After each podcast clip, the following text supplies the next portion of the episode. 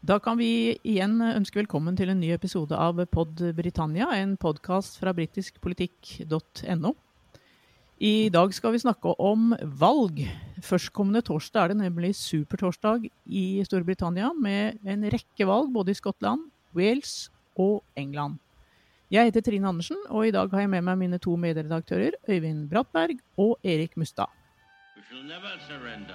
The pride in who we are is not a part of our past. It defines our present and our future. The people of Scotland have spoken. England, Scotland, Wales, Northern Ireland, together, taking us forward, unleashing the potential of the whole country. Ja, Kanskje vi skal begynne i Skottland, for eh, det er vel eh, kanskje det mest spennende valget. Og vi har jo snakket mye om Skottland i tidligere podkaster. Men siden vi sist hadde dette som tema, så har Alex Salmon, den tidligere førsteministeren, lansert eh, et nytt parti, The Alba Party. Og de første kommentarene fra eksperter Erik, var jo at eh, dette kunne stikke kjepper i hjulene for Nicolas Nicola Sturgeon og SMPs mål om å få rent flertall ved valget til Skottsparlamentet den 6. mai. Nå viser det seg på meningsmålingene at det er absolutt ikke noen trussel. Eh, og det ser absolutt ikke ut til at velgere i, Nord i Skottland deler seg mellom SNP og Alba-partiet til Alex Hammond. Eh, det er derimot De Grønne på meningsmålingene som ble eh, offentliggjort i går og i forgårs, som ser ut til å være det partiet som kanskje kan frariste SNP og Nicola Sturgeon et rent flertall.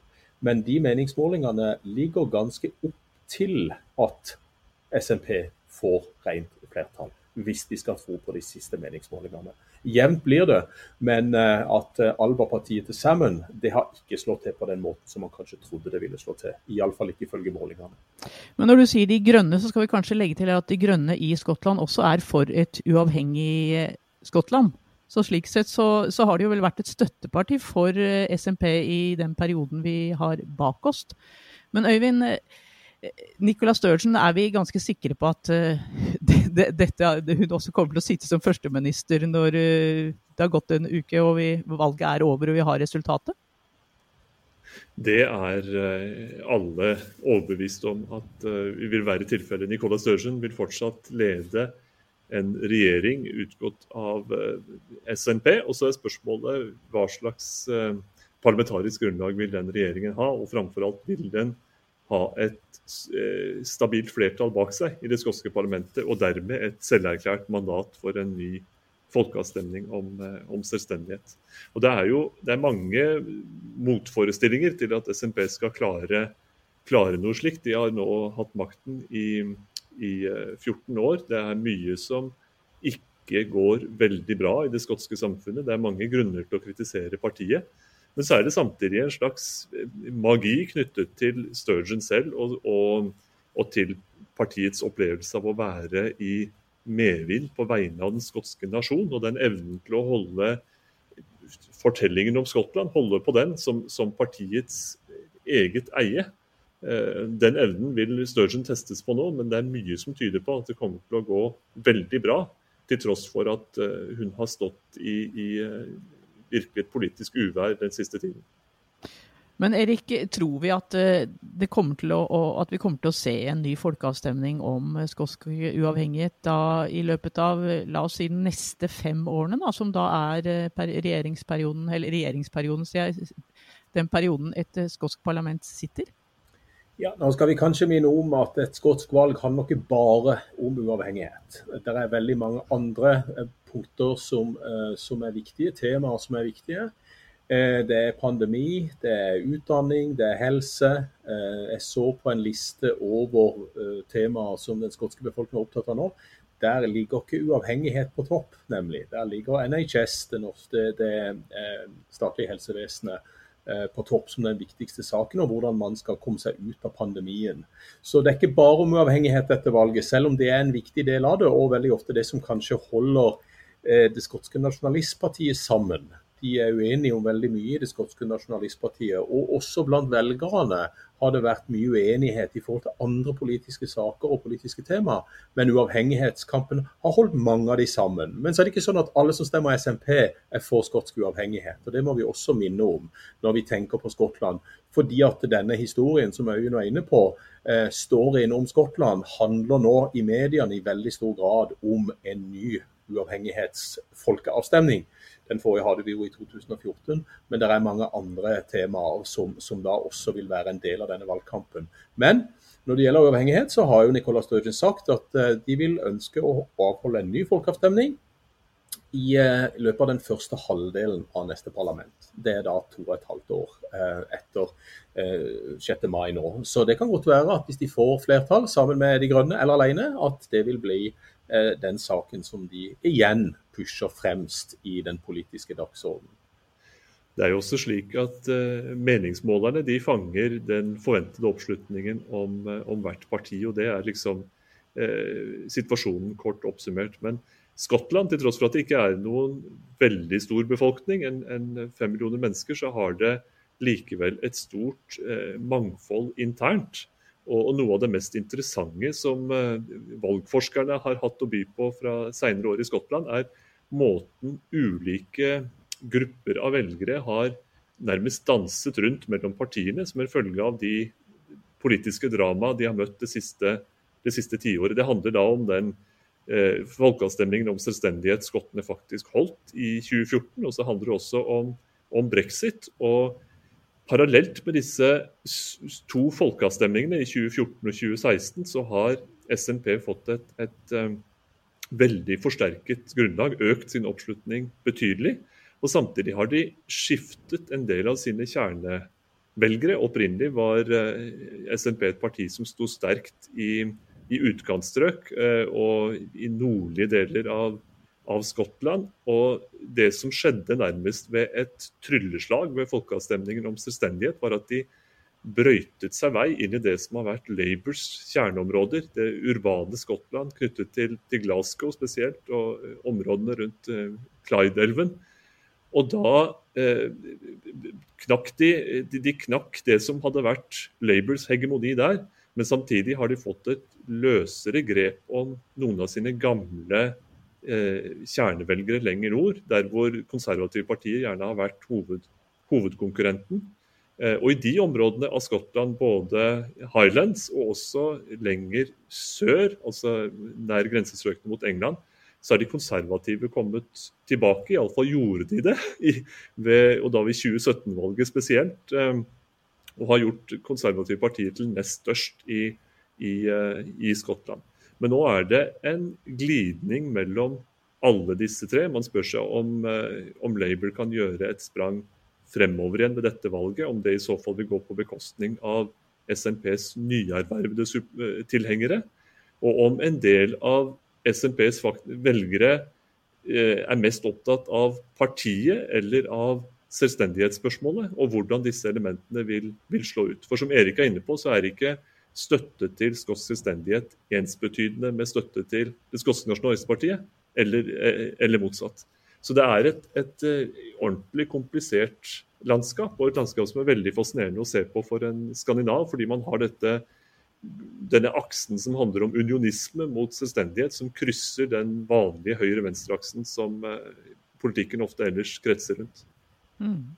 Og for en skandinav så syns jeg det også er litt fascinerende å se på, på valgdeltakelsen. Jeg, jeg, ble litt overrasket når jeg så på valgdeltakelsen i, i, det skotske valget for fem år siden. Så var altså den på 55 for, for, norske, for norske ører så høres det veldig lite ut. Men sier det noe om eh, hva slags tro skottene har på på, en, eh, på, et selvstyre, Erik? Eller hva sier du om at Jeg så litt på valget når det gjelder valget i, til, eh, i 2019 til eh, parlamentet i, i, Westminster i London, så var det 10% høyere valgoppslutning. Så det er ganske lav oppslutning med, ved disse valgene. Også i, i, Wales. Der tror jeg aldri valgoppslutningen har kommet, kommet opp over, over 50% ved noe valg til et walisisk parlament.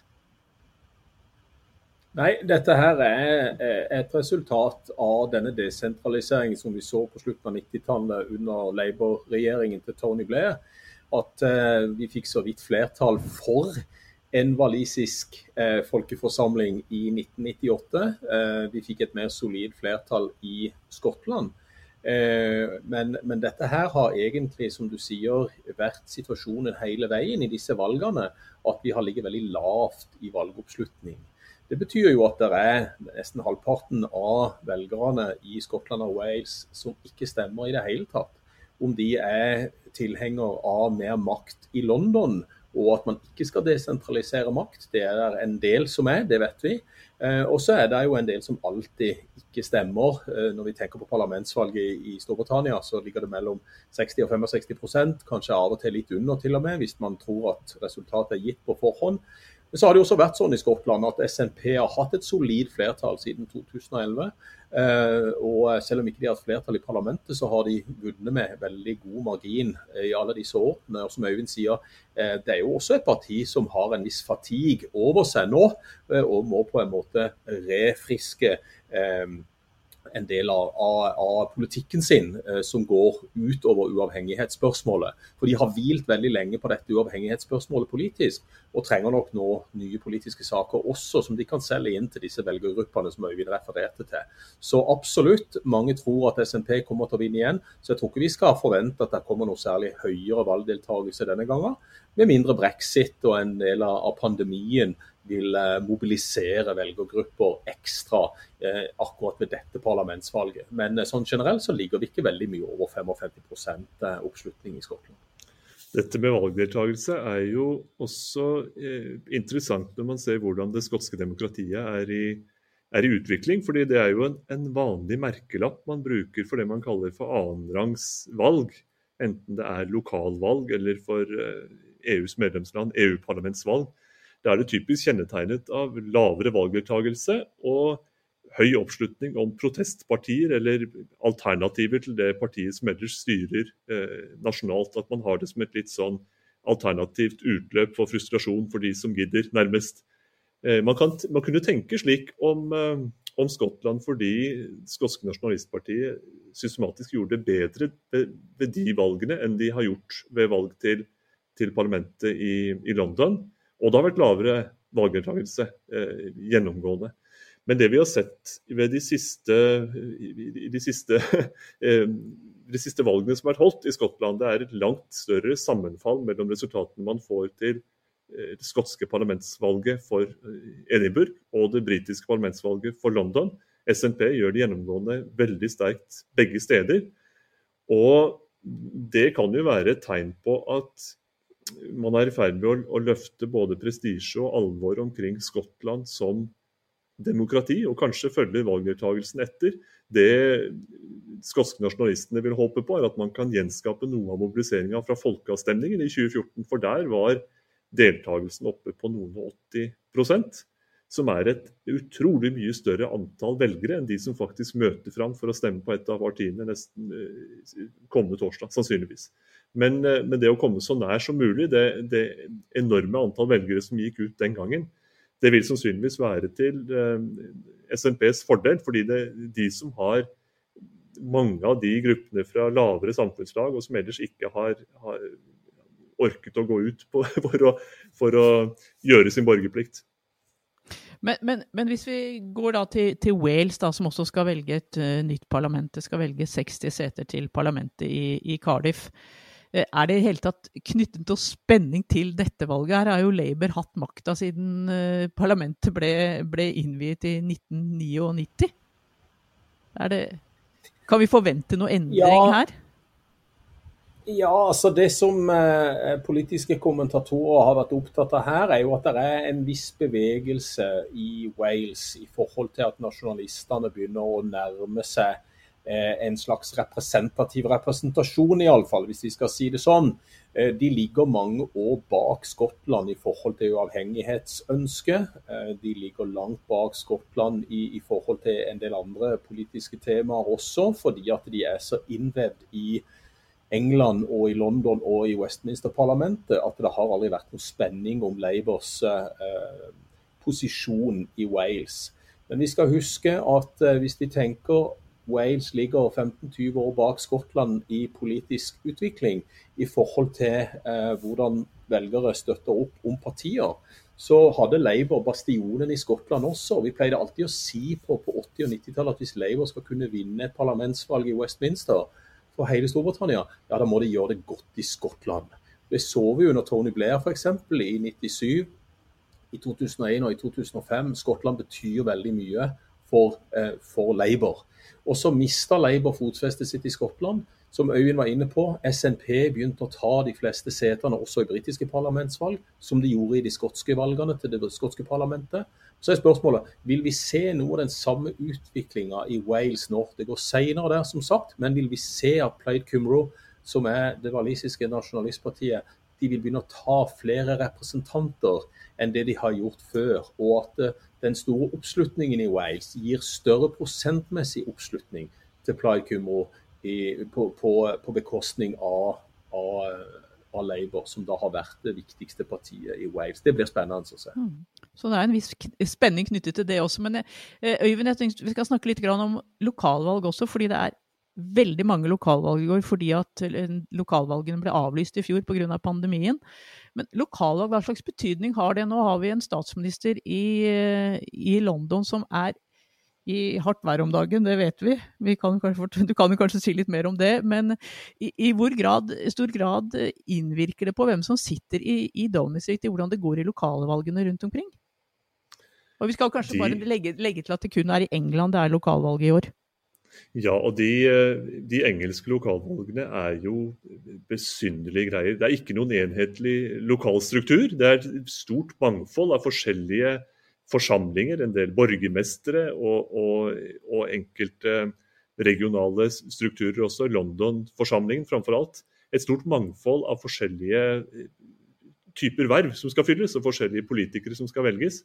Og så er det, som du er inne på, bare deler av landet som gjør dette hvert år. For hvert år i mai holdes det lokalvalg, og i utgangspunktet er det da grovt regnet en fjerdedel av landets eh, lokal, lokale mm, kommunestyrer som, som, står til valg hvert år. Men nå er det altså en god bit mer, siden det ble avlyst i, i fjor.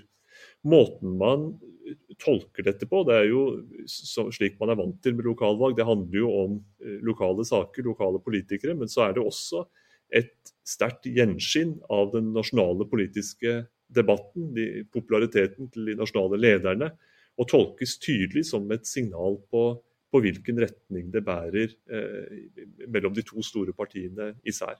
Og Slik vil det også bli i, i år, både fordi det er det første valget som Labour-leder Keir Starmer Eh, tar del i eh, som opposisjonsleder. Og det, er også, det inntreffer i kjølvannet av eh, pandemien idet man er på vei ut av den. Bank i bordet for Storbritannias del.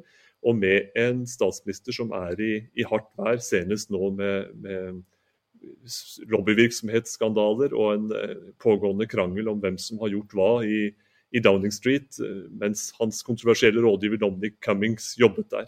Så det, er en, en, det stormer på den nasjonalpolitiske scenen, og resultatene vi får se neste torsdag, vil også bli tolket i lys av hvem folket egentlig fester lit til av de, av de to store. Ja, Når du snakker om Kir Stamer, og dette er jo det første valget etter at han ble valgt som partileder i fjor, så får han vel en skikkelig lakmustest i, i Hartlepool i Nord-England, en havnebyen i Nord-England, Erik. Der skal det være et suppleringsvalg etter at eh, Labours kandidat måtte trekke seg pga. anklager om seksuell trakassering. Han trakk seg vel i, i, mars, så vidt jeg husker. Og dette er jo et, faktisk et, et, et eh, en eh, valgkrets, heter det. en valgkrets som er holdt av Labour helt siden den ble oppretta i 1974. og en, en, en, fyr veldig mange vel kjenner er Peter Mandelson, som hadde denne kretsen i tolv år. Og, og, nå viser meningsmålingene faktisk at det er ganske jevnt mellom eh, Labour og, og Toryene. Hva, hva, vil det kunne ha å si for, eh, for Keir Starmer hvis, hvis Labour taper eh, denne valgkretsen? Det er viktig symbolsk for Labour at de vinner dette suppleringsvalget i Hartlepool. Siden som du sier, de har holdt den siden 1974, da setet ble oppretta. Så for han som ny leder, og den store testen for han, første store testen for han er disse lokalvalgene først og fremst, så er det viktig at Hartlepool også som suppleringsvalg går i retning av Labour.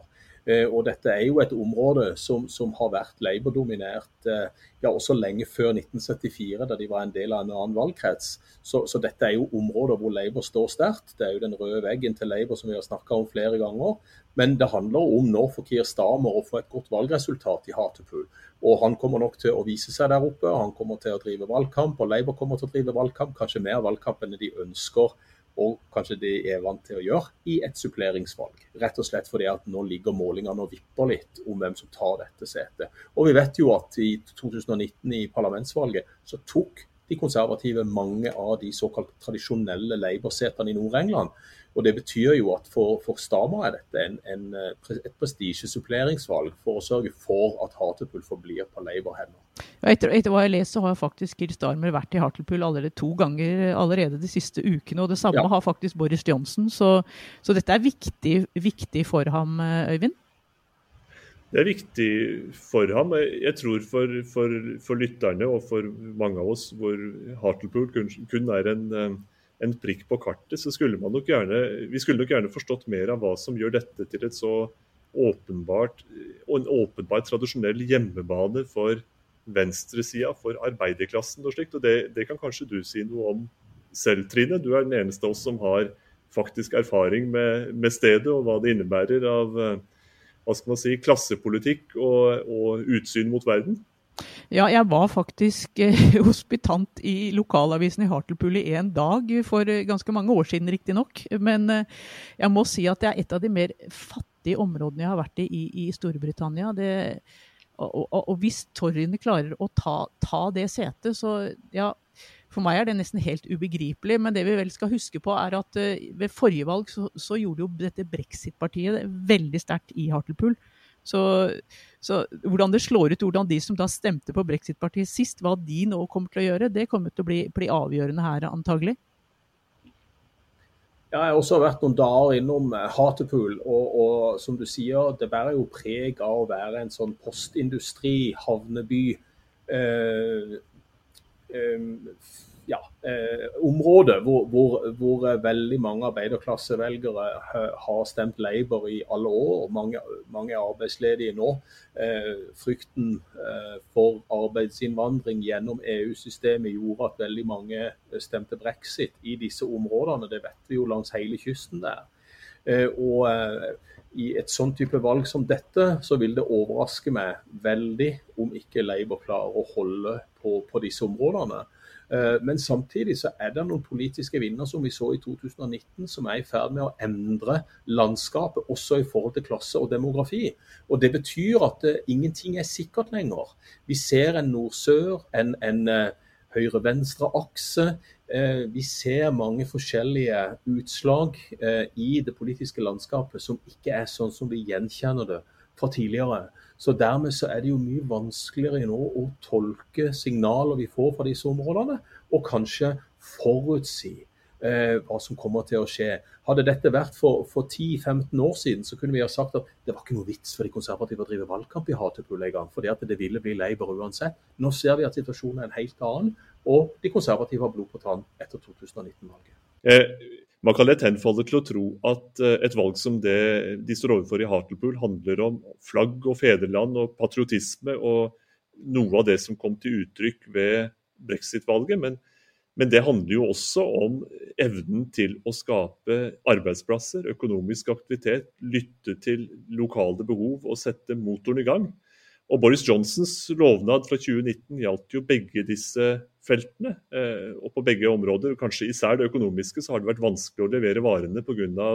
pandemi og kontinuerlig krisetilstand siden den tid. Så hva velgerne mener nå, eh, hvem de egentlig fester lit til, hvem de mener kan, kan svare best på, på deres behov, det, det, er noe av det uavklarte er. Og både Boris Johnson og Keir Starmer stiller med et handikap idet de reiser fra London opp til det som er en utpost i, i nordøst og skal tale velgernes sak. Da har man en, en aldri så liten barriere å klatre over. Ja, det har du absolutt rett i. Men du, helt, helt til slutt der skal vi snakke litt om, om pandemien. Hvordan, hvordan, kan den påvirke valget? Kan den påvirke valgdeltakelsen f.eks.? Hva tror du, Erik? Ja, det kan den absolutt, og det kan påvirke i begge retninger. Den kan jo holde folk borte fra, fra stemmelokalene eh, pga. frykt eller redsler. Nå vet vi at mange i Storbritannia også i Skottland er vaksinerte, Wales også, og i deler av England. Så, så, dette kan slå ut begge veier. Det kan slå ut sånn at eh, SNP får flere stemmer, altså høyere oppslutning. Eh, eller eventuelt mindre oppslutning. Så jeg synes det er veldig vanskelig å si noe om hvordan pandemien eller koronaviruset vil, vil påvirke utfallet av av disse valgene. Eh, det som Nicola Sturgeon sier veldig klart, er jo at når de går ut av pandemien, så er det et ønske om at Skottland har sterkere kontroll over sin egen økonomi. Eh, det er vel et av kroneargumentene hos oss nå, både i forhold til, til eh, det nasjonale helsevesenet i Skottland og den økonomien som, som eh, har blitt hardt ramma overalt i Storbritannia pga. pandemien. Så et av hennes kroneargumenter er at hun vil styrke det nasjonale helsevesenet i Skottland, samtidig som hun ønsker full råderett over skotsk økonomi. Eh, og selv om de har det til en viss grad, så har de da ikke en full uavhengighetsøkonomi som hun kan skalte og valte med som hun vil som førsteminister. Så dette er jo ting som vil påvirkes av, av, av av pandemien. Eh, hvordan, hvordan, hun eh, i valgkampen her fram mot torsdag eh, går videre i forhold til disse argumentene. Og så kan vi love helt til slutt her at vi kommer med en podkast når resultatet av valget er klart. Så, så, får vi se hvordan det går, både i Skottland, Wales, lokalvalg og i denne, dette suppleringsvalget i Hartlepool.